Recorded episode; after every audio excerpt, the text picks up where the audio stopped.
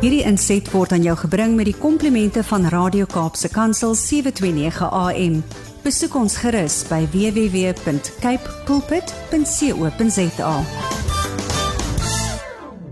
vir Gerda Kriel saam met my op die ligte en as jy ingeskakel is en as jy op Facebook is kan jy na ons 729 Facebook bladsy toe gaan en, en sien hoe mooi is my liewe Gerda hoe gaan dit met jou vanoggend Dit gaan goed dankie met jou Andri Dit gaan baie goed dankie Hoekom is jy in somerklere en ek sit met 'n serp oh, Ek weet nie, dis seker net warmer in Somerset Wes as daar in Bel vanoggend. Hoorie Gerda. Nee, ek en my sussin is bietjie op vakansie, so ons um, ons gaan lekker somersee. Ag, dit is so lekker en dit is altyd wonderlik om te weet mens kan 'n breek vat en mens moet 'n breek vat en dis presies waar ons al die afgelope 3 maande um, gesels en elke keer dan rol ons onderwerp net oor na iets wat regtig van toepassing is van daar af. Maar ek wil sommer vir die luisteraar wat ver oggend heel eers ingeskakel het, wil ek vir jou sê net wie Gerda is. Gerda Kriel is 'n kliniese sielkundige van Somerset Wes en sy het elke maand 'n tema met wie sy gesels of waaroor sy gesels met my en dan met jou daar waar jy sit in jou in jou um kamer of jou studio of jou kantoor waar jy on, na ons luister. Maar Gerda, ons het 'n baie baie interessante maand agter die rug met verwerping en ek dink net vir die luisteraar wat dalk vandag vir die eerste keer ingesamel het, as jy dalk net vir ons so 'n neete dop kan saamvat presies waaroor ons hierdie maand gesels het. Ja, so hierdie maand was die onderwerp verwerping en ek besef dit is 'n so moeilike onderwerp vir baie mense om oor te praat, maar verwerping is iets wat elke persoon op 'n stadium ervaar. Dit is daardie gevoel wat jy kry wanneer iemand jou vir ietsie afkeer. So dit kan wees 'n romantiese verhouding of 'n werk of ag, eintlik maar enige ietsie waar jy eintlik gemeet word en te lig gevind word. En dit kan 'n baie diep letsel laat in 'n mens, want verwerping laat jou voel dat jy nie goed genoeg is nie, dit laat jou voel of daar inherënt met jou iets fout is. En ons weet ons waarde lê in Jesus, ons weet dat hy ons vrymaak van al hierdie dinge en tog is dit 'n 'n diep wortel wat baie keer kan gaan sit en as jy dit toelaat om wortel te skiet in jou lewe, is die vrug daarvan dit was baie pyn veral in jou verhoudings. So dit kan regtig oorspoel na elke aspek van jou lewe toe en veral na jou interpersoonlike verhoudings toe as jy bietjie sensitief is vir verwerping. Maar ons almal gaan deur verwerping. Ek self is al deur verwerping. Ander jy wat in die um skoonheid en modelindustrie is, jy is seker goed vertroud met verwerping. ons almal het 'n ervaring daarvan iewers in ons lewens. En ons moet besef dis daar want as jy nie besef dis daar nie en jy tree net op en jy doen goed wat ander mense van jou vervreem of wat jou wegtrek omdat jy jouself onbewuslik probeer beskerm kan jy eintlik jou lewe baie moeiliker maak Ja, en ek voel Gerda presies waarvan jy praat, verstaan veral in die industrie waarin ek ook werk. Partykeer trek mense dit so na jou toe aan. Jy voel dis ek en ek moet verander en ehm um, weet die mhm. verwerping kom omdat ek nie goed genoeg is nie. Hoe oorkom mens dit? Ja. Anderie dit kan 'n baie lang proses wees want dit hang absoluut af waar die wortel vandaan gekom het. Nou, wanneer iemand vroeg in hulle lewens deur 'n ouer verwerping kry, kom ons sê iemand se ouers wou hulle nie gehad het nie of die kind is um gelaat om aangeneem te word of daar was 'n weggeer of was daar was van die ouers af 'n verwerpingservaring. Of die ouer het die kind grootgemaak, maar die ouers sê net vir die kind gereeld hoe simpel hulle is, hoe dom hulle is, hoe sleg hulle is of die ouer wil nie um laat hierdie kind toe om toenadering te soek nie. Kan die kind dit ervaar as as verwerping. En wanneer jy 'n groot mens is en jy het daardie tipe verwerping ervaar in jou lewe, dan kan die wortel baie diep is en dan het jy nodig om iemand te kry, 'n terapeut met wie jy dit kan deurwerk.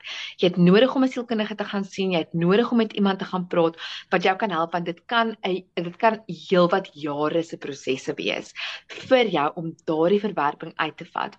Maar kom ons sê jy het eintlik 'n baie gelukkige geborge lewe gehad vroeg in jou lewe en jou verwerping is jy weet jy het aanskrin verwerk en jy sê aanvaar en jy het 'n leerstelling.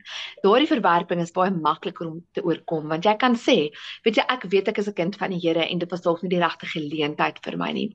So dit hang absoluut af hoe lank terug jou verwerpingswortel is en hoe diep hy gegroei is. Um gaan gaan 100% bepaal hoe jy daarmee te werk gaan.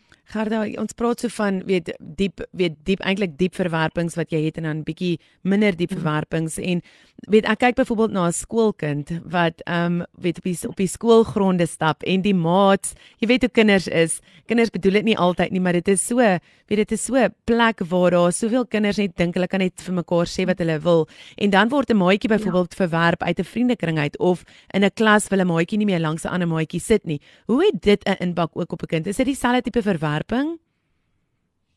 Ja, weet jy Andre, ek moet vir jou sê ek het die voorreg om met baie volwassenes te werk wat as kinders deur maatjies hierdie tipe verwerping beleef het. En jy's reg, dit is dieselfde tipe verwerping. Kinders van skoolgaande ouderdom meet hulle selfwaarde baie meer aan wat hulle maat sê as wat hulle self sê of wat hulle ouers sê, enigiemand wat regtig naby aan hulle is. Want dit is hoe ons gemaak is. Ons is gemaak om op 'n sekere stadium van ons ouers af bietjie weg te beweeg en om dan ons selfwaarde en ons identiteit te soek tussen ons vriende. En skoolkinders het nog nie die kognitiewe vermoë om te besef dat dit wat die maatjies sê is nie waar nie.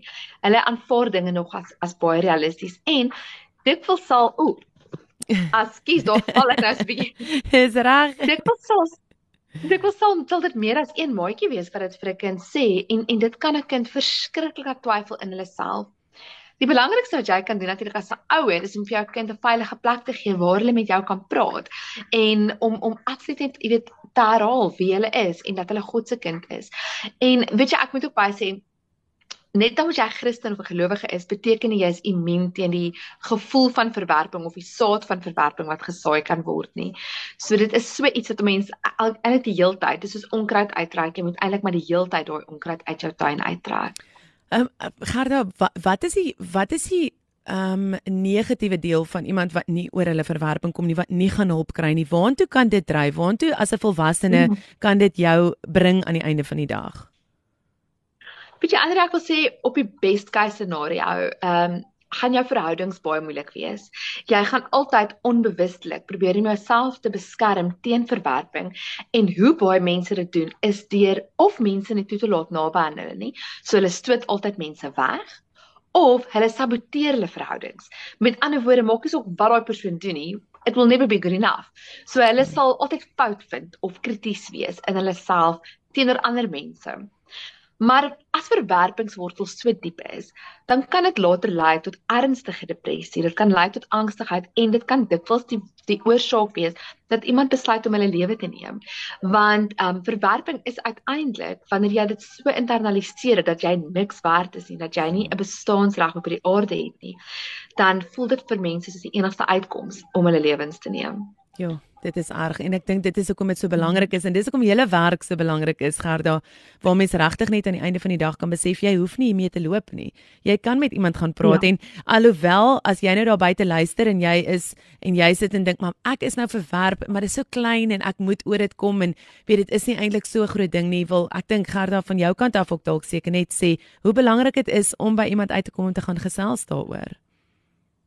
Verseker, Annelie, ek dink ons maak ons eie swaar kry dit was af, maar wat ongelooflik belangrik is is dat jy jouself die toestemming gee om te voel wat jy voel en om jou ervaring in Engels praat ons van we validate it.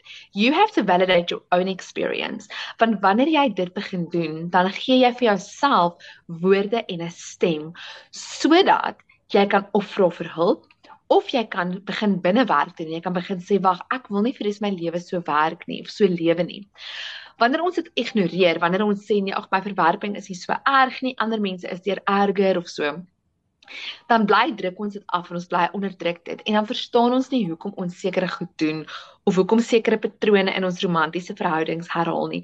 Ek sien dit baie keer wanneer mense um ag veelvuldige verhoudings het, meer as een en um dieselfde patroon herhaal. Dit hou 'n paar maande en dan op 'n stadium is dit en dit is presies dieselfde ding. Dit klink soos jy weet een storie wat vertel word van verskillende mense.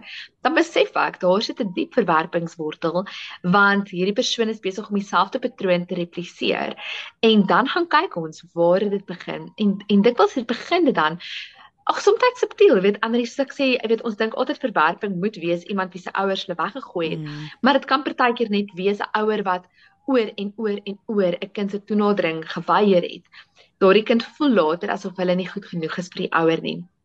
En onthou kinders het nie die woordeskat om vir ons te sê hoe ons aksies hulle laat voel nie. Mm. So ja, dit is nogal ehm um, dis 'n teer saakie vir my daarin. Ja. En ek dink ook jy moet besef as jy verwerp is, is die kans dat jy verwerping gaan kan meebring net soveel groot ook want daai patroon is jy wil nie mense naby jou hê nie. Jy wil jy probeer met jou eie seer leef en dit is kom dit vir my so belangrik is. Gerda, gee asseblief asseblief vir my net so 'n bietjie julle kontak details. Mense daar waar jy sit, jy hoef nie alleen hier deur te gaan nie. Gerda is deel van 'n praktyk wat mm. hulle ongelooflike werk doen om jou te kan help om regtig net te gaan gesels, um, 'n objektiewe um, analise kan maak van waar jy is en jou stappe kan gee om daardeur te kom want dit daar is stappe wat hierdie verwerping en die dinge waardeur jy deurgaan jou kan help om om éventueel dan 'n um, beter mens te word, beter verhoudings te kan hê. So asseblief lig ons net in so 'n bietjie waar kan mense jou in die hande kry en ehm um, ja, Ja, Andries, so hulle kan gaan kyk op ons webtuiste, dis helderbergpsychology.com